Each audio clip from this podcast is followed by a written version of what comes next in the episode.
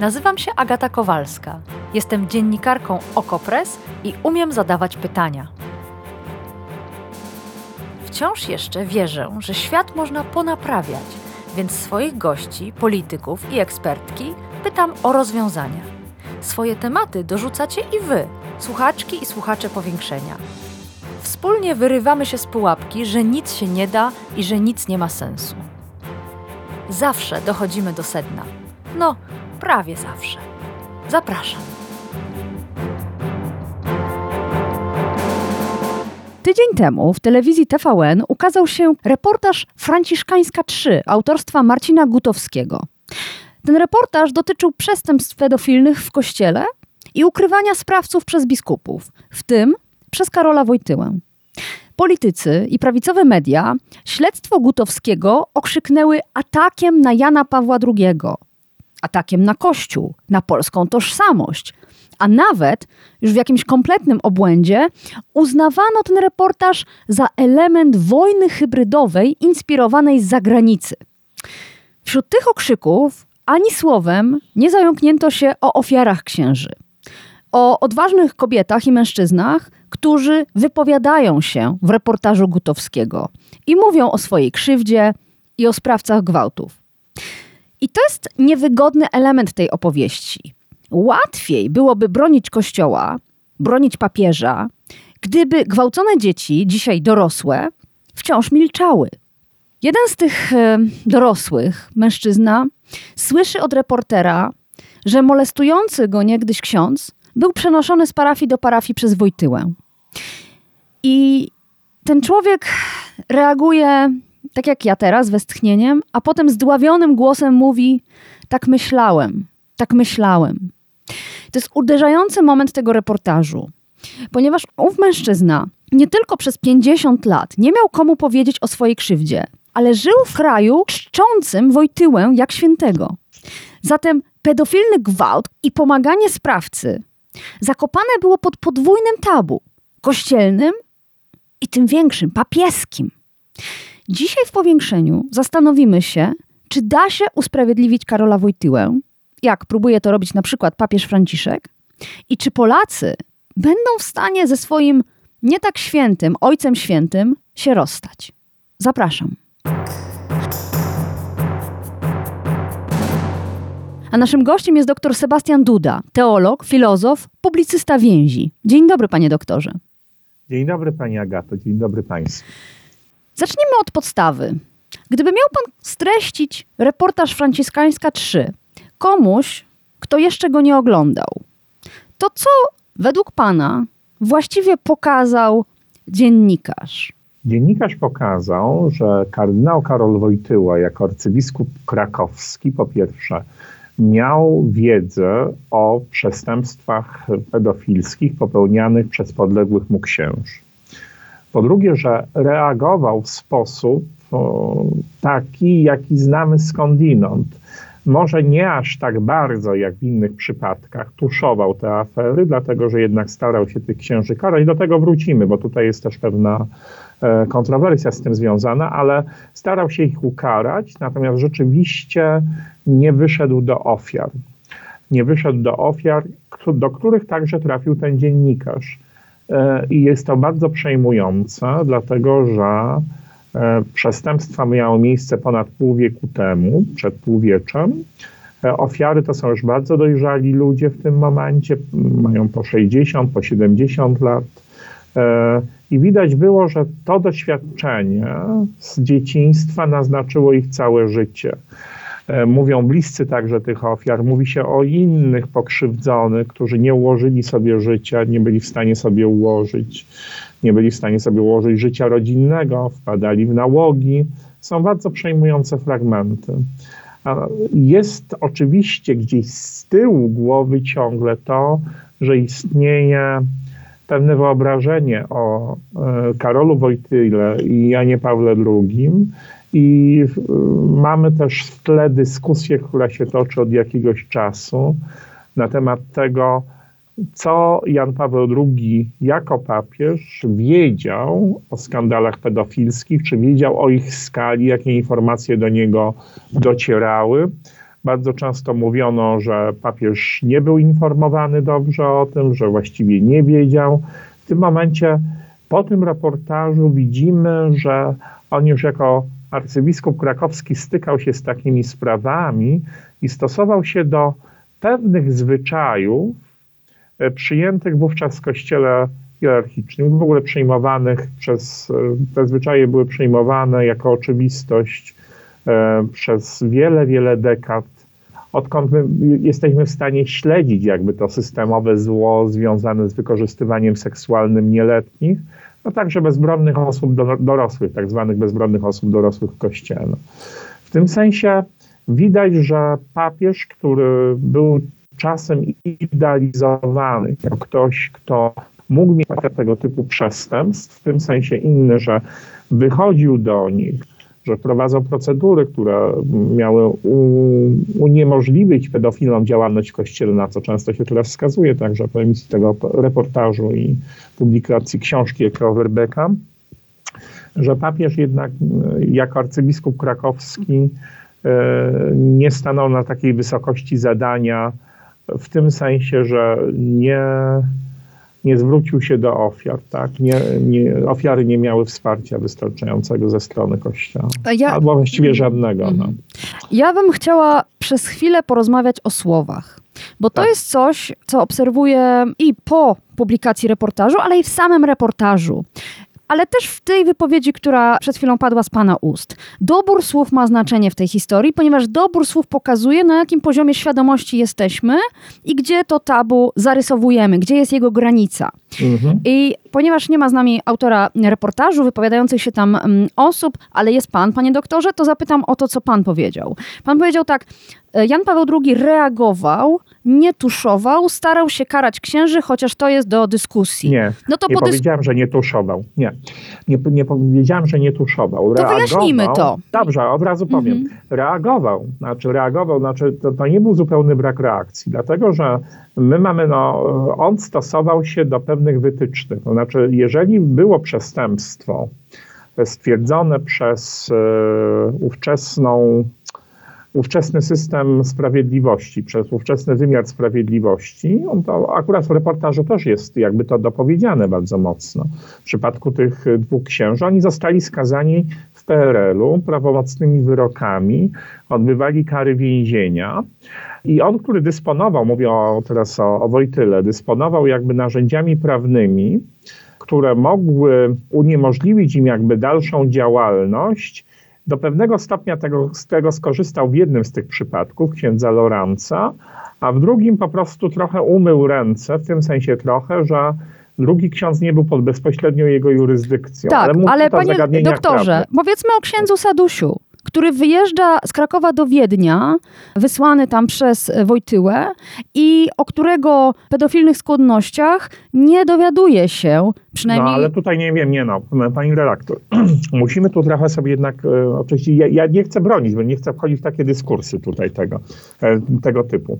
Ale jeśli chodzi o Sadusia, to materiały rzeczywiście mamy nie ze strony świadków, nie ze strony pokrzywdzonych, nie ze strony jakby archiwów poza IPN-em, tak? To są wszystko niestety, w przypadku dwóch innych księży jest inaczej. Natomiast Saduś y, jest y, w orbicie zainteresowań e, służby bezpieczeństwa i to na tych materiałach, prawda, bazuje autor reportażu i autor książki. W tym przypadku Saduś nie był pedofilem najpewniej. No. Znaczy, na, na podstawie tych materiałów nie możemy tego stwierdzić. Najpewniej dokonywał ohydnych czynów, prawda, na osobach, które były bezbronnymi dorosłymi. Ale to, to wymaga dalszego sprawdzenia, dalszej kwerendy. Rzeczywiście został wysłany przez Wojtyłę do Wiednia, e, no to już wiemy jakby skądino, no bo działał, prawda, w Austrii, w pewnej parafii, do której także kardynał Wojtyła trafiał i arcybiskup Wiednia, kardynał Kryniś, ówczesny arcybiskup Wiednia, nie wiedział o tym, jakie kłopoty w cudzysłowie miał Saduś w Krakowie związane prawda, z tą sferą seksualną i z wykorzystywaniem e, młodych mężczyzn. E, bo mu kardynał o tym nie napisał. No to jest przedstawione jakby rzetelnie. No Natomiast dobrze, na no cała to, no reszta, to podał pan przykład księdza Surgenta, który y, zgodnie z tym, co dowodzi i Gutowski, i Ecke Overbeck, był tolerowany przez e, Wojtyłę przez kilkanaście lat, Tak. co półtora roku przenoszony z parafii do parafii. I gdzie jest to karanie? Gdzie jest to reagowanie? I dopóki, dopóki nie spotkała go kara, dlatego że tak, kodeks prawa kanonicznego, który obowiązywał 1917 roku, za tego typu przestępstwo przewidywał także karę sp- suspensy, wydalenia ze stanu duchownego. To się nie działo, nie zadziało w tym przypadku, jak podobnie w tysiącach, właściwie no chyba w tysiącach, już powinniśmy tak powiedzieć, innych przypadków na świecie w odniesieniu do księży. Czyli system klerykalny chronił księży. Nawet wtedy, kiedy tak jak w PRL-u Surgent i Lorenz, ci dwaj panowie podlegający Wojtyle, w latach 60., 70., kiedy dopuścili się przestępstw, za które zostali ukarani przez sąd państwowy, także ówczesny. I w przypadku y, księdza Loranca Wojtyła mówi, że nie zastosował tego, co mm, przewiduje, jakby, czy zasugerował coś takiego, że nie zastosował tej surowości, którą zakładał kodeks prawa kanonicznego, dlatego że ów ksiądz został już ukarany przez y, system karny państwa. Tak, i ksiądz Lorenz spędził rok w więzieniu, a następnie trafił do szpitala, gdzie był kapelanem No i i obsługiwał już- też już oddział pediatryczny. Ja pytam tak, o to- i, y, i pytam o te wszystkie mm, słowa, mm, określenia, dlatego że chciałam wiedzieć, czy pana zdaniem Karol Wojtyła jest człowiekiem, o którym powinniśmy już teraz mówić wprost, że chronił księży gwałcicieli e, dzieci, księży pedofilów, czy też e, wciąż powinniśmy, tak jak część wypowiadających się w reportażu e, TVN publicystów, e, używać eufemizmów, e, omijać te określenia, bo to będzie miało znaczenie dla naszej dalszej rozmowy. Jakby ująć to prosto, używając podmiotu i orzeczenia, to Karol Wojtyła co robił albo czego nie robił pana zdaniem? Nie chronił jak, ich, jak, znaczy powiem tak, chronił, oczywiście, że chronił. Odpowiadam e, jakby na, na, na, to py- pytanie, że chronił tych księży w tym wymiarze, co uznawał za godne chronienia, czyli chronił ich kapłaństwo. Nie chronił ich jako przestępców pedofilskich, aczkolwiek jedno z drugiego wynikało. To znaczy, nie chciał promować jakby pedofilii, e, znaczy ich zachowań pedofi- pedofilskich dalej. No tu zakładam coś takiego. No i jest jeszcze trzecia, trzeci wątek, który tutaj pani podjęła, i to jest właściwie dla mnie najbardziej gorszące, że nie przyszedł z pomocą i wsparciem do ofiar tych księży, do pokrzywdzonych przez tych księży. Więc mamy takie trzy poziomy. Chronił kapłaństwo tych księży, bo uznawał, że jest święte, niezbywalne i w tym sensie nie był zupełnie odmienny, a właściwie wcale nie, był, od- nie różnił się od innych decydentów kościelnych, którzy i do tej pory myślą w ten sposób, prawda, o, o kapłaństwie.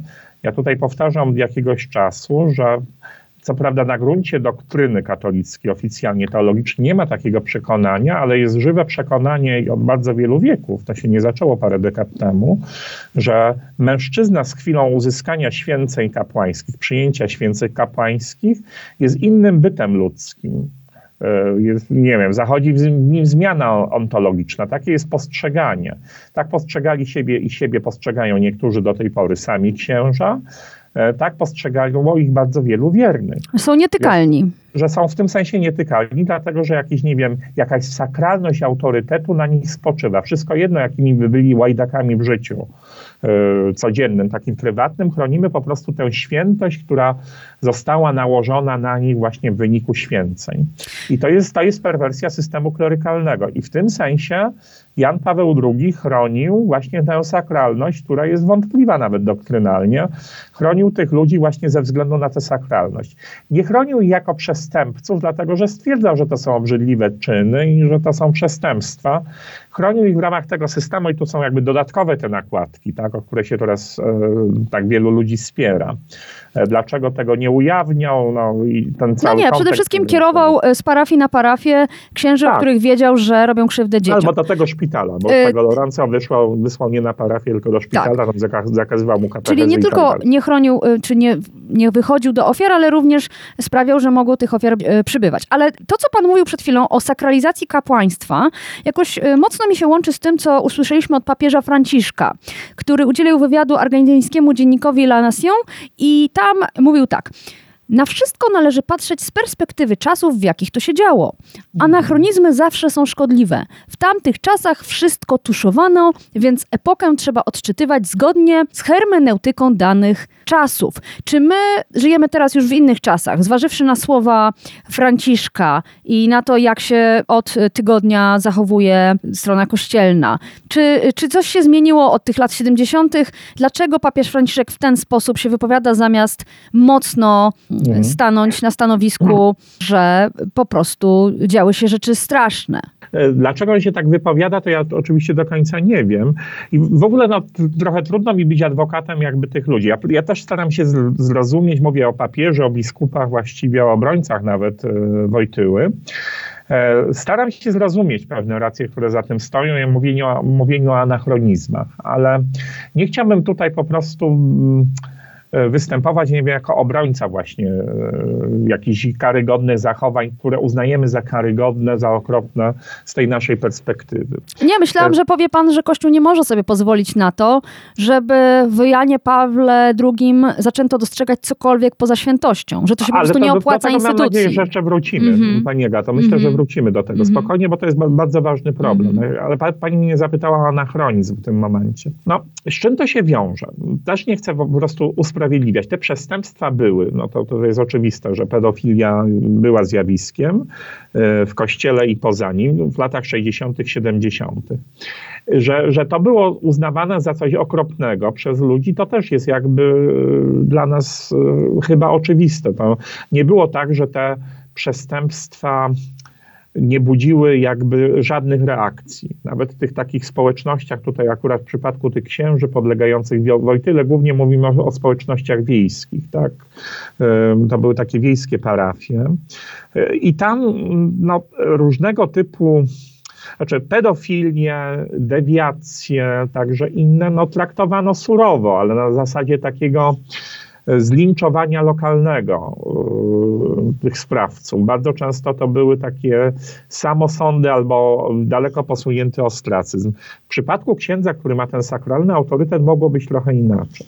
Ale pytanie także, dokąd mogły pójść wtedy y, te ofiary? Nie dostały wsparcia kościelnego, ale jak na to patrzyli ówcześni psychologowie i psychiatrzy?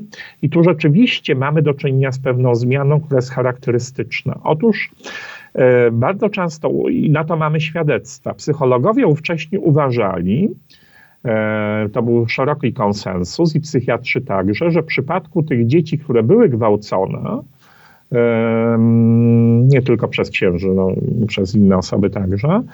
Te dzieci mają traumę oczywiście, ale ta, ta trauma w przypadku dzieci szybko mija. I to był pogląd, który był powszechny nawet w psychiatrii i psychologii ówczesnej. Druga rzecz jest taka, że nie warto im wierzyć, dlatego że dzieci w ogóle są mało, ma, mało wiarygodnymi świadkami, także dla psychologów. Jeżeli chodzi o tego typu sprawy, to konfabulują. Czyli proszę, widzi pani, mamy do czynienia z dwoma założeniami przyjmowany, przyjmowanymi wtedy powszechnie w środowisku, to jest powołane do ochrony zdrowia psychicznego, także czy było powołane, jest powołane do ochrony zdrowia psychicznego, które są bardzo problematyczne z naszej perspektywy obecnej. Tak? To się zaczęło zmieniać i to pokazuje się rzeczywiście, jak rozmawiam z niektórymi psychiatrami w latach 80. I jest inne podejście do dzieci, jest inny wykład psychologii rozwojowej, ale wtedy tak nie było. Inny był także może odbiór społeczny pedofilii, e, jeśli chodzi o takie osoby na eksponowanym stanowisku. Ja nie chcę tutaj nieustannie wracać do sprawy Romana Polańskiego, prawda? No, ale ona też pokazuje nam, że pewne zachowania były może bardziej akceptowane, prawda? I nie uważano ich za specjalnie gorszące, także w środowisku pozakościelnym. Czy to jest usprawiedliwienie dlatego, że te dzieci były krzywdzone? Nie. I to już wiemy, że trauma tych dzieci, co pokazał także reportaż Gutowskiego, nie skończyła się w ich dzieciństwie, tylko rzutowała na całe ich życie. No właśnie, ale, Ale, wtedy, to, wtedy nie było takiego postrzegania powszechnego. Jest pytanie po prostu, no co z tym zrobić? Rzeczywiście, jeżeli nie było takiego postrzegania, to musimy zanotować, że było inne. No i te konteksty jakby dodatkowe, prawda? No dlaczego przenoszeni z parafii na parafię, dlaczego, nie wiem, Wojtyła nie zrobił z tego, nie wiem, jakiejś publicznej afery, publicznej sprawy. No nie, ale pan teraz Tutaj- zarysowuje dwa bieguny. Po środku też istnieje pe- pewne pole do działania, prawda? Istnieje możliwość działania inna niż tylko robienie publicznej afery, a Nie, nie, nie, nie, ale ja nic. nie mówię, nie, mówię, odnoszę się jakby do wypowiedzi pani Agato, tych ludzi, którzy ciągle to usprawiedliwiają tym, że Kościół w Polsce był atakowany przez komunistów i w związku z tym pewne rzeczy nie mogły wyjść na, na jaw. Ja tak nie uważam w tym sensie, że obowiązek ewangeliczny dalej ciążył na Woj- Wojtyle wtedy. On powinien wychodzić do pokrzywdzonych przez sprawców, którzy mu podlegali. Natomiast zajmował się jakby losem sprawców, natomiast o, o tym, żeby, nie wiem, kuria, on sam wyszedł do pokrzywdzonych, nic nie wiemy. I to rzeczywiście z punktu widzenia Ewangelii musi być bardzo negatywnie ocenione. No to, to nic innego. No, cała ta kontekstualizacja, tutaj zaczęliśmy od papieża Franciszka, no służy nam zrozumieniu pewnych racji, a także tego, że nie wiem, ludzie pewnych spraw nie widzieli ze względu na to, że działali w określonych kontekstach. Wiedza psychologiczna podpowiadała co innego. Całe te uwarunkowania, nie wiem, sytuacji, nie wiem, z komunistami może podpowiadały, że ważniejsze jest inne działanie niż ewangeliczna troska o ofiarę. Ale Ewangelia Ale- Ewangelią, ale też wspomniał Pan o tym przepisie z 1917 roku w Kodeksie Prawa Kanonicznego, który między innymi mówi o karze za wykorzystywanie seksualne dzieci. Więc to Tak. nie jest tak, że Jan Paweł II tylko mm, posiłkował się wiedzą psychologiczną z lat 70. i e, odczytaniem Ewangelii, ale również ignorował przepisy kościelne. Na to, na wygląda, znaczy on karał tych e, księży, tylko nie karał tą najsurowszą karą, która jest przewidziana w tym kodeksie. I w tym sensie papież Franciszek ma rację, że to tuszowano. Cały ten system opierał się na tuszowaniu klerykalnym. No to teraz tam już wiemy, że bardzo rzadko jakby te, tego typu sprawy były ujawniane, ofiary jakby odnajdywały sprawiedliwość i dostawały zadośćuczynienie. To, to wiemy, tak? Mm. Tylko, że no, wypowiedź papieża, no, że tuszowano wszystko i że tak było i to, no jakby no,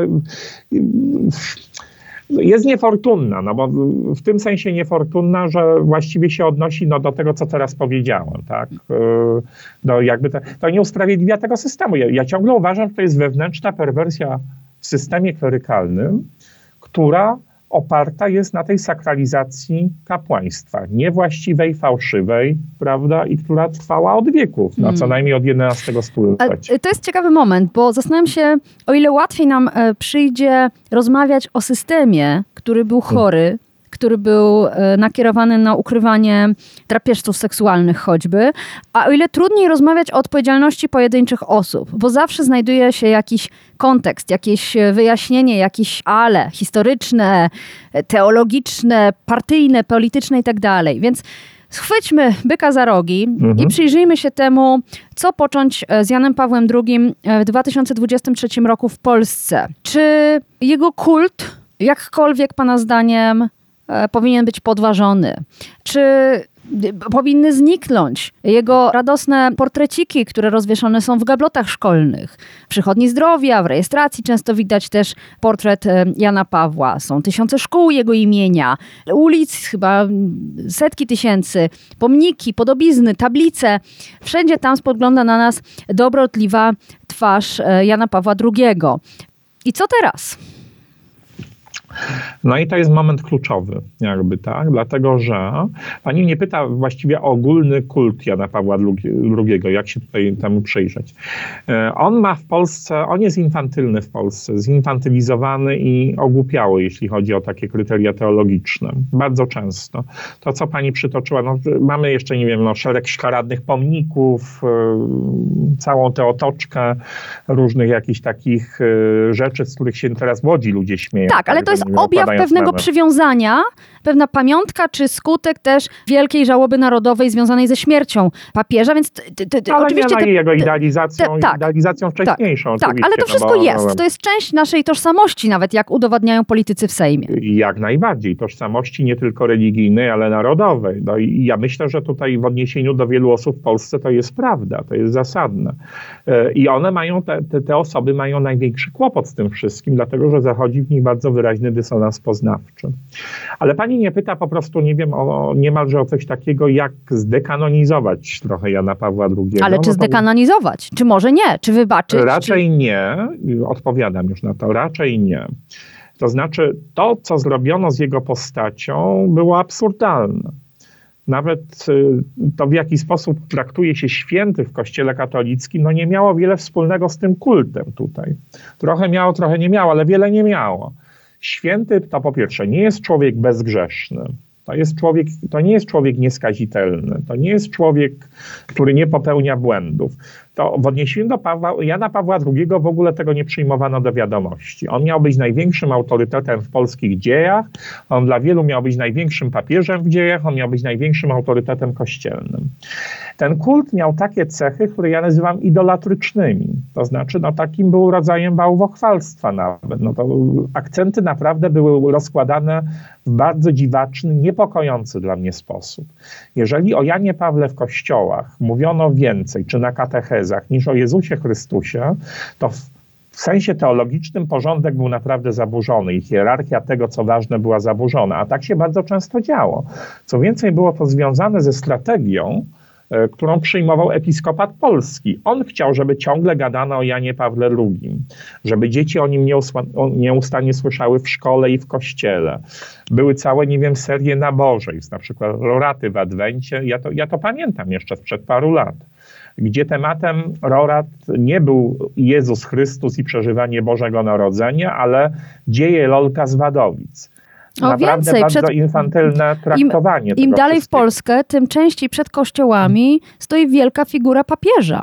Je- No tak, ale no w samym Krakowie, pani Agata, w samym Krakowie jest, są 23 pomniki. No to Kraków nie dziwi. Ale dobrze, zaraz No. jeszcze w takim razie przejdziemy do tego, co z tym zrobić. Ale jeszcze jedna e, wątpliwość i pytanie do teologa.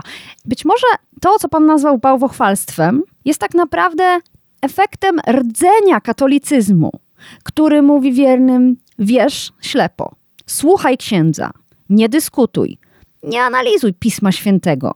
To nie protestantyzm, żeby zadawać pytania i mieć wątpliwości, albo tym bardziej pytać o wewnętrzne sprawy Kościoła. To jest taki grunt, na którym kult jednostki może bujnie rosnąć. I na dodatek łatwiej jest wierzyć w papieża, świętego Jana Pawła II, niż w niewidzialnego Boga. Czy to nie jest tak, że katolicyzm sam przygotował grunt do tego, z czym mamy teraz do czynienia?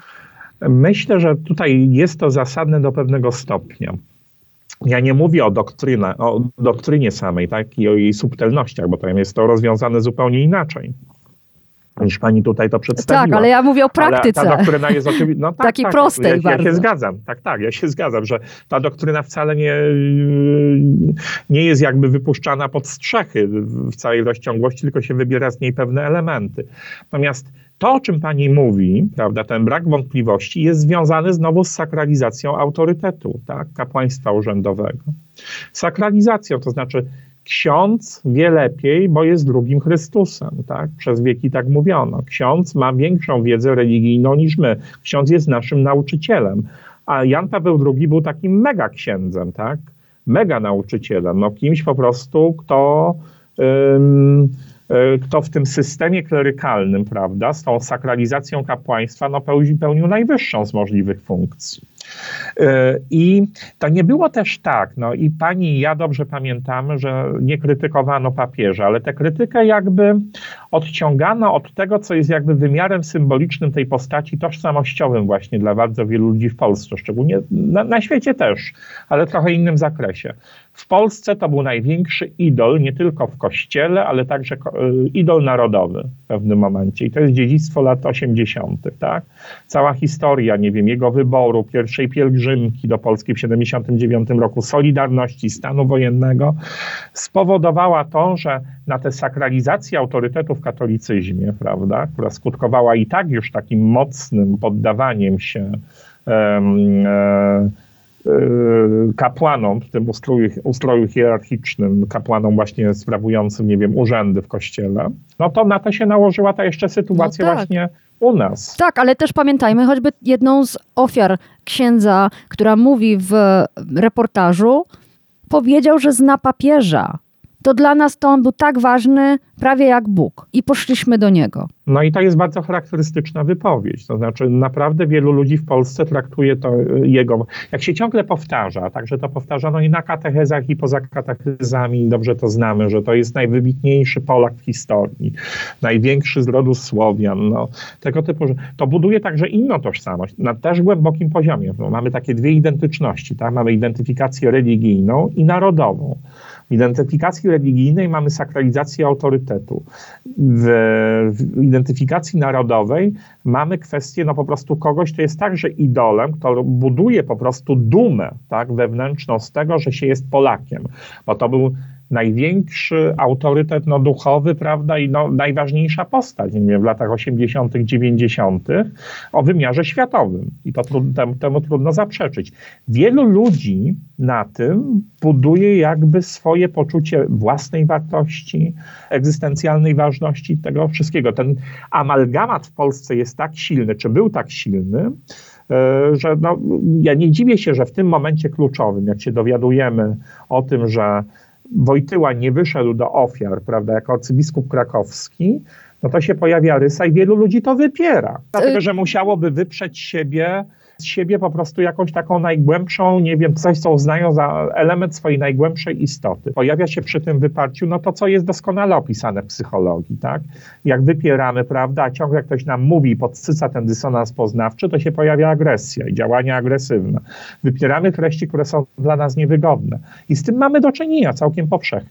Tak, ale jeśli nawet w szkole mówiono nam, że Mickiewicz wielkim poetą był, a Słowacki to nasz wieszcz, to po kątach można było powiedzieć, a mnie to w sumie nudzi, nie czytałem, nic mnie to nie obchodzi. Natomiast w przypadku papieża nie wolno było krytykować ani jego zachowań, no, no, ani no, jego decyzji. Po kątach nie, no po kątach to się krytykowało. To, to, No to chyba pan doktor ze znajomymi. Większość no, ludzi... Nie, z mojej, w mojej klasie, wie pani, ja, ja, ja chodziłem do liceum na początku lat 90. i nie było jakieś takie, nie wiem, yy, no, na, na katechezie na przykład był jezuita i wtedy była wojna w Jugosławii, prawda, yy, i papież, prawda, nie pojechał do Jugosławii, natomiast nakazywał kobietom zgwałconym w Srebrenicy rodzenie dzieci wtedy. To była taka silna afera, zresztą była tak zwana pierwsza wojna religijna w Polsce.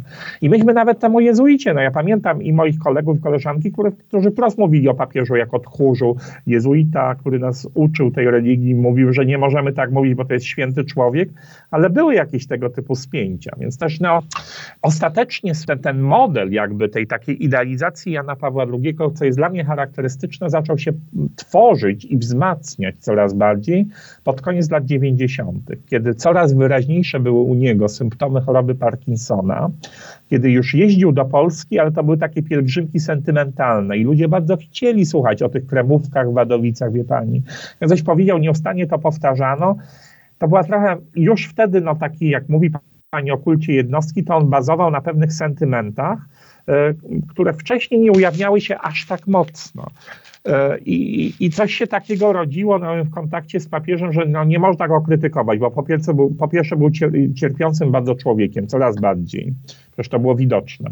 Po drugie, no, był jednak takim elementem dumy narodowej i nagle ludzie sobie za, zaczynali z tego zdawać sprawę, w dużej części w Polsce także, że go kiedyś zabraknie. No i co, co, co wtedy, jak go zabraknie? No wtedy Na wyniesiemy go po prostu na ołtarze, e, No i to była używając... strategia kościelna, jak Tak. najbardziej e, wspierana przez różne osoby w państwie. No dobrze, tak? to, to zastanówmy się, co teraz. W świetle tego, co Pan opowiedział, co wiemy o fundamentach tego kultu Jana Pawła II w Polsce, Co teraz? Co na przykład e, pan jako członek redakcji więzi proponowałby tym e, wiernym, którym trudno przyjąć do wiadomości tę prawdę, którym trudno, e, już nie mówię o rozstaniu się pewnym z papieżem, bo żegnaniem tego, tego ojca, to co dalej powinien zrobić, mógłby, co mógłby zrobić katolik?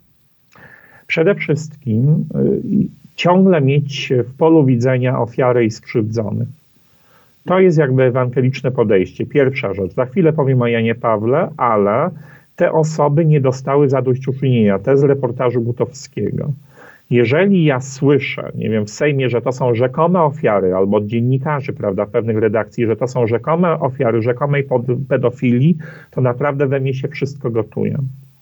Dlatego, że ja w tym filmie, i to było dla mnie najbardziej wstrząsające, usłyszałam głosy, które były bardzo podobne do głosów, które słyszałam bezpośrednio od ludzi wykorzystanych.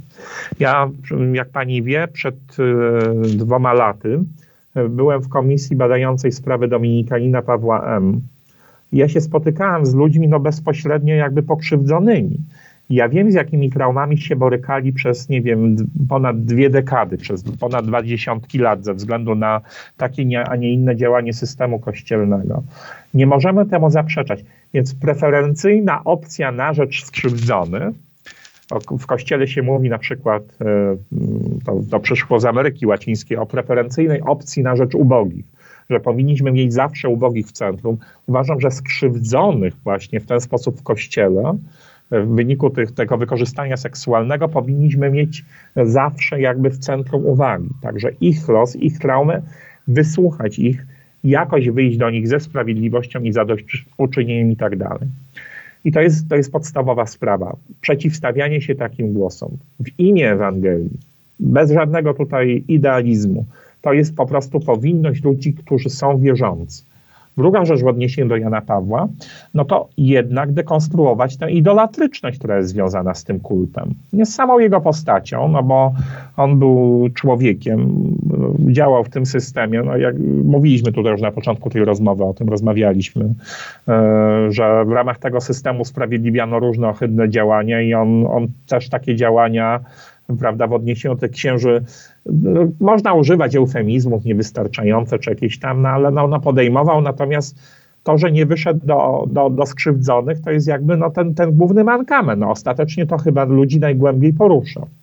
W każdym razie Myśli pan? Bo ja mam jednak wrażenie, że najbardziej porusza nas to, że y, Karol Wojtyła wysyłał księdza z parafii do parafii, wiedząc o tym, y, jaką Ale krzywdę nie, na robi takim dzieciom. głębinowym poziomie to coś takiego jest, że właściwie e, te dzieci były skrzywdzone, księży wysyłał, no tutaj tam będzie właśnie tego Loranca wysłał do szpitala pediatrycznego, a tego surgenta wysłał, wie pani, do, do diecezji lubaczowskiej, a później on tam działał jeszcze gdzieś w Koszalinie, znaczy gdzieś na wsi pod Koszalinem, a owego Sadusia wysłał do Wiednia. To dla lu- wielu ludzi jest gorszące, ale to, że nie, dla, dla ludzi wierzących, prawda, to, że no, no, był trybikiem w machinie, to jeszcze mogą jakoś tam rozumieć. Natomiast to, że postępował nieewangelicznie w stosunku do ofiar, jest bardzo takim mocnym przekazem myślę, że głębinowo najistotniejszym dla ludzi wierzących. Na poziomie tym takim tożsamościowym, o którym mówiliśmy tu, gdzie dochodziło do, do idealizacji postaci Jana Pawła II, jakiejś takiej karkołomnej zupełnie, to rzeczywiście sprawa, o której pani mówi, może, może być y, jakby tutaj decydująca ale y, no, trzeba oddzielać z tej idolatryczności ten kult i trzeba z tej idolatryczności oddzielać, y, o, o, odzierać także tożsamość fundowaną prawda, na y, niezbywalnej nieskazitelności i, i dumie y, z papieża, z tej nieskazi- nieskazitelności papieskiej, powiedzmy tak. To na koniec chciałabym, żebyśmy przyjrzeli się przykładowi. Mm, Mówił pan, że trzeba przede wszystkim zwrócić się w stronę ofiar. No i y, więź tak zrobiła, publikując list pod pseudonimem Tosi Nowak, skrzywdzonej przez księdza. To jest y, bardzo y, ważny moim zdaniem list, warto go przeczytać, jest w całości dostępny na stronach więzi. I tam jest jeden moment, który mną wstrząsnął, e, długo nie mogłam jakoś się pozbierać po tej lekturze. To jest moment, w którym autorka tłumaczy, że ona nie chce atakować papieża i kościoła. Że jej wyznanie, jej opowieść o wściekłości, o poczuciu, że wspólnota ją całkowicie opuściła, że kościół, kuria, księża, znając jej numer, do niej się nie zwrócili, że to wszystko jest dla niej podwójną traumą, kolejnym zranieniem. Natomiast później tłumaczy, i to jest podsumowanie niemalże tego listu, że jej wyznanie nie, nie ma być atakiem, jej wyznanie nie jest aktem agresji. I to mną wstrząsnęło, dlatego że oznacza to, że urządziliśmy sobie świat tak, że ofiara sama wyznacza sobie granice i sama siebie cenzuruje, sama siebie pilnuje, żeby ktoś nie pomyślał, że jest ona e, narzędziem ataku Mhm. na ów święty kościół i świętego papieża. Więź opublikowała to bez komentarza. Zastanawiam się, co z tym począć? Co by pan na to powiedział? No my się też zastanawiamy, Mm. tak, w redakcji, no, taką rozmowę odbywamy, dlatego że no, mamy także głosy po, po opublikowaniu mm, tego tekstu Tośki, które mówią o natychmiastowej apostazji z tego kościoła i też nie rozumieją, y, nie rozumieją jakby jej postawy. Ale to E, ja bym nie chciała o tym rozmawiać, że ta osoba powinna zrobić to albo tamto. Mnie chodzi o ten moment, nie, w którym... to, że- nie, ja Mhm. mówię właściwie o czytelnikach, Mhm, tak? mhm. Mm. I, I pani mnie pyta, jakby, co z tym zrobić? Czy to jest po prostu tak, że to ofiara sama sobie wyznacza granice? Y, Ja zaproponowałbym tutaj y, taką trochę wczucie się, nie wiem, w osoby, które są wierzące i są w tym kościele. I ciągle mają do czynienia w nim nie tylko z, z perwersyjną strukturą kler- klerykalną, z tym systemem, który właśnie, którym, nie wiem, ci przestępcy seksualni tak działali, jak działali, tak? Czy działają? Bo nie sądzę, że to zostało wyrugowane do cna przecież w tym momencie. Nie, ciągle się pojawiają jakieś nowe tutaj historie. Natomiast no, przyjąć taką perspektywę, że i Tośka, i inni ludzie, podobnie skrzywdzeni w kościele, odnajdują w nim jednak pewne bardzo istotne, nie wiem jak to dobrze określić, skarby duchowe, no coś takiego dla siebie samych, co na poziomie egzystencjalnym jest dla nich bardzo ważne i być może najistotniejsze. I to nie jest rodzaj ani samooszustwa wewnętrznego, to jest po prostu coś, co, z czym oni się muszą borykać. Znaczy, myślę, że bardzo wyraźnie oddzielają to, co jest cennością, wartością duchową dla nich w kościele, od tego, co jest perwersją systemu klerykalnego. Pytanie podstawowe, czy to, co cenne w kościele duchowo, nie łączy się w sposób tak integralny z tą system, systemem klerykalnym perwersyjnym, że jedno bez drugiego nie może zaistnieć. I to jest jakby cały dramat ludzi wierzących. Ja proszę także, żeby, no, mogę tylko o to prosić, żeby spoglądać jakby z perspektywy ludzi, którzy właśnie mogą w ten sposób odczuwać, mogą w ten sposób myśleć, mogą w ten sposób doświadczać. To nie jest samo zakłamywanie się, dlatego że jeżeli ktoś cennego otrzymuje, duchowo, to to nie jest kłamstwo dla tych ludzi. To jest Ale ja nie o to zapytałam. Panie doktorze, chyba się nie zrozumieliśmy. Ja nie o to pytam. Mhm. Dlaczego pisząca ten list Tosia Nowak e, zostaje w kościele? Dlaczego dla niej on jest wciąż cenny? Ja to rozumiem. Ale powiedziała pani, że no mniej więcej Ale no, to ona tłumaczy- sama sobie wyznacza granice jakby tego, do, do jakiego stopnia jest ofiarą. Nie, nie tyle. Ona e, Mhm. pisze o tym, że jej list nie jest atakiem na Kościół i jej list nie jest atakiem na papieża. I to mnie No ale właśnie tutaj opowiadam o tym. Uderza. No, dlaczego to nie jest atak? Dlatego, że ona w tym kościele ciągle odnajduje dla ciebie jakąś cenność duchową. Ale żadne zeznanie ofiary, żadne s- świadectwo osoby dotkniętej gwałtem nie jest atakiem. Jest ono opowieścią, jest, jest świadectwem tego, co się przydarzyło. Nie, no bywa, znaczy oczywiście, że tak, m, tu ma pani rację, ale to, to jest jednak wykrzyczenie krzywdzicielom, prawda, tego, że przez, przez skrzywdzonych, że zadziała się krzywda. Żeby oni, to jest wołanie jednak skrzywdzonych o to, żeby tamci to uznali, żeby nie odwracali się plecami, żeby nie umywali rąk. Żeby, żeby ci przestępcy dalej jakby nie trudnili się tym procederem swoim okropnym. To jest jednak wołanie. Niektórzy odbierają to jako atak, ale to nie jest oczywiście atak no, no w takim e, agresywnym, nie wiem, e, rozumieniu, nie wiem, psychologicznym może nawet, tak? To jest po prostu wezwanie, które jest bardzo gwałtowne, czasami pełne gniewu. I to słusznego gniewu, tak? Dlatego, że wynikającego z traumy. Natomiast no, jest pytanie, no, ona broni Kościoła i papieża, pani mówiła. Tak, dlatego, że to są dla niej, no, Kościół jest dla niej, no, przyniósł jej także coś, co jest cenne duchowo, co jest duchową wartością. Ja znam różne osoby, które, nie wiem, zostały skrzywdzone w Kościele i bardzo są różne postawy. Bardzo wiele z tych osób mimo wszystko postanawia pozostać w tej wspólnocie. Inne mają syndrom stresu pourazowego. Jak na przykład widzą kościół, w którym były wykorzystane, mówię budynek kościelny, w którym były wykorzystane, to od razu mają odruchy somatyczne i wymiotują. I, i, i ja, ja słyszałem te opowieści. Wszyscy bezwzględnie i w kościele, i poza nim jesteśmy, e, mamy obowiązek słuchania e, tych pokrzywdzonych, tak? Ich opowieści, także z tym elementem, który często jest na przykład przez ludzi, którzy nie są związani z Kościołem, którzy nie są w tej wspólnocie, kompletnie niezrozumiały i jest powodem, yy, no przykro mi to powiedzieć także, ale powodem do ataku na głupie ofiary. Więc z jednej strony niektórzy mówią o rzekomych ofiarach, a drudzy mówią o głupocie ofiar.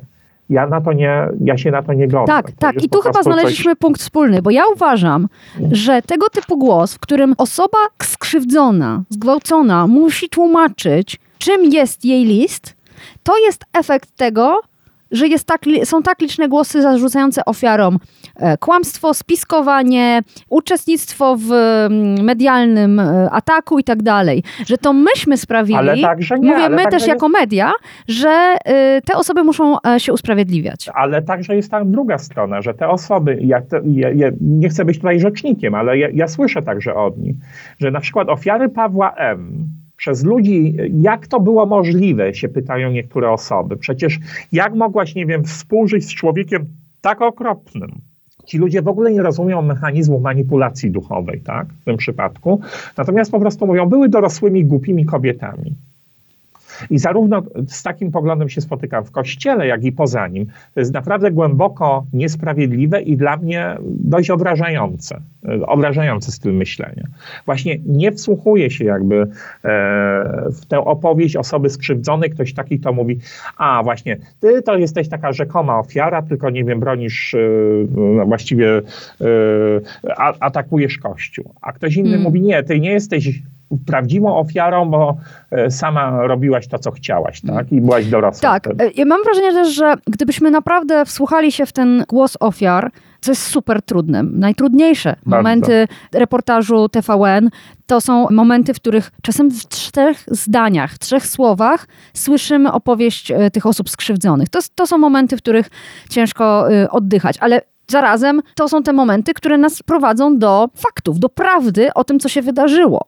No i do oczyszczenia. I, tak, i tak. Do, tak, właściwie do dyskusji z samym sobą. Co się tak. wydarzyło, czego jesteśmy teraz świadkami, chcąc lub nie chcąc, i co my z tym zrobimy. I myślę, że to pytanie, co my z tym zrobimy, będzie trwało, bo e, skutki publikacji Eke Overbecka i publikacji redaktora Gutowskiego no, będą na pewno rozłożone na miesiące, jeśli nie na lata. I efekty tej ich pracy będziemy po prostu mogli obserwować i mam nadzieję wspólnie komentować. A teraz już dziękuję naszemu gościowi, e, dr Sebastian Duda, teolog, filozof, publicysta więzi. Bardzo dziękuję za to spotkanie. Bardzo dziękuję Pani Agato, dziękuję.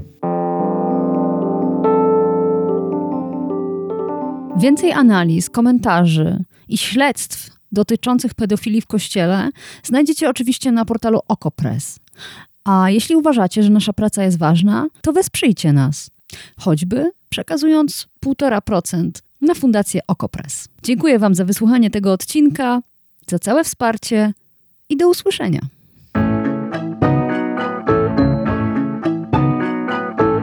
To było Powiększenie, podcast Agaty Kowalskiej. Produkcja Bartosz Weber. Powiększenie znajdziesz na stronie Okopres i w Twojej ulubionej aplikacji do podcastów. Masz pomysł na temat albo komentarz? Napisz do mnie agata.kowalska małpaoko.press. Stałych darczyńców zapraszamy na grupę OkoPress na Facebooku Twoja okolica. Tam też toczymy dyskusje o świecie i o podcaście. Dziękujemy za Wasze wsparcie.